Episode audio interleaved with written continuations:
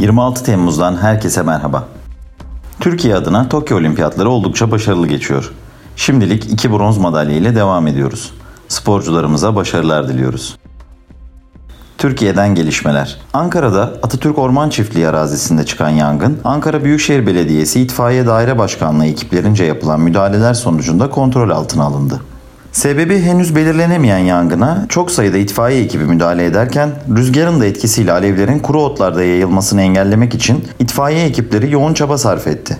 Ankara Büyükşehir Belediye Başkanı Mansur Yavaş iki kişinin gözaltına alındığını açıkladı. Tokyo 2020 erkekler 68 kiloda Bosna Hersekli Nedzat Husic'i 22-13 yenen milli tekvandocu Hakan Reçber bronz madalya kazandı. Reçber'in madalyası Tokyo 2020 olimpiyatlarında Türkiye'nin ilk madalyası oldu.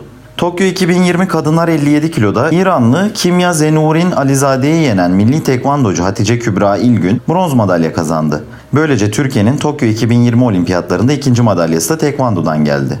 Türkiye A Milli Kadın Voleybol takımı 2020 Tokyo Olimpiyat Oyunları B grubu ilk maçında son olimpiyat şampiyonu Çin'i 3-0 mağlup etti.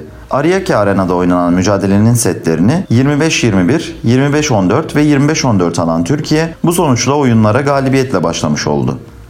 Mete Gazoz ve Yasemin Ecem Anagöz'den oluşan Türkiye Okçuluk Karışık takımı bronz madalya karşılaşmasında Meksika'ya 6-2 mağlup olarak olimpiyat dördüncüsü oldu. Jimnastikte ise İbrahim Çolak ve Adem Asil halka aletinde, Adem Asil ve Ahmet Önder atlama masasında, Ferhat Arıcan paralel barda, Ahmet Önder ve Adem Asil ise genel tasnifte finale kalmayı başardı. Olimpiyat oyunları devam ederken bir yandan da olimpiyatlarla bağlantılı koronavirüs vakalarının sayısı artıyor. Tokyo'da pazar günü 1763 yeni koronavirüs vakası tespit edilirken olimpiyat oyunları organizatörleri aynı gün 10 yeni Covid-19 vakası açıkladı. İki sporcu, 6 olimpiyat çalışanı, bir basın mensubu ve bir üstlenicinin aralarında bulunduğu Covid-19 vakalarıyla birlikte oyunlardaki toplam vaka sayısı 132'ye yükselmiş oldu. Dünyadan gelişmeler. Vatikan gayrimenkul varlıklarını ilk kez açıkladı. Açıklanan belgeler Vatikan'ın büyük kısmı İtalya'da olmak üzere 5000'den fazla taşınmaz mülke sahip olduğunu gösteriyor. Vatikan'ın mal varlıkları ve yatırımlarından sorumlu birimi APSA tarafından yayımlanan belgelere göre bu 5000 gayrimenkulden 4051'i İtalya topraklarında, İtalya dışında da Londra ve Paris gibi birçok kentin lüks bölgelerindekiler de dahil 1100'den fazla Vatikan gayrimenkulü var. İtalya'daki mülklerin %92'si Vatikan'ın da içinde yer aldığı Roma kentinde.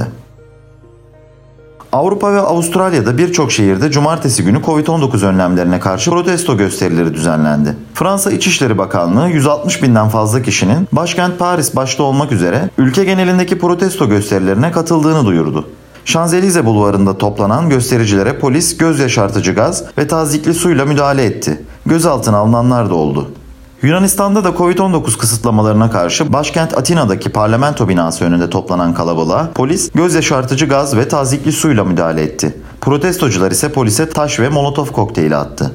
İtalya'da hükümetin 6 Ağustos'tan itibaren birçok mekan ve etkinliğe girişte Covid sertifikası göstermeyi zorunlu hale getirmesine karşı düzenlenen gösterilere toplamda 80 bine yakın kişinin katıldığı belirtiliyor. Avustralya'da cumartesi günü Melbourne ve Brisbane'de ve başkent Sydney'de binlerce kişi koronavirüs önlemlerine ve kısıtlamalara karşı sokaklardaydı. 500 kişi protestolardaki eylemleri sebebiyle çeşitli şekillerde cezalandırıldı. Novus'la gelişmeleri dinlediniz. Hoşçakalın.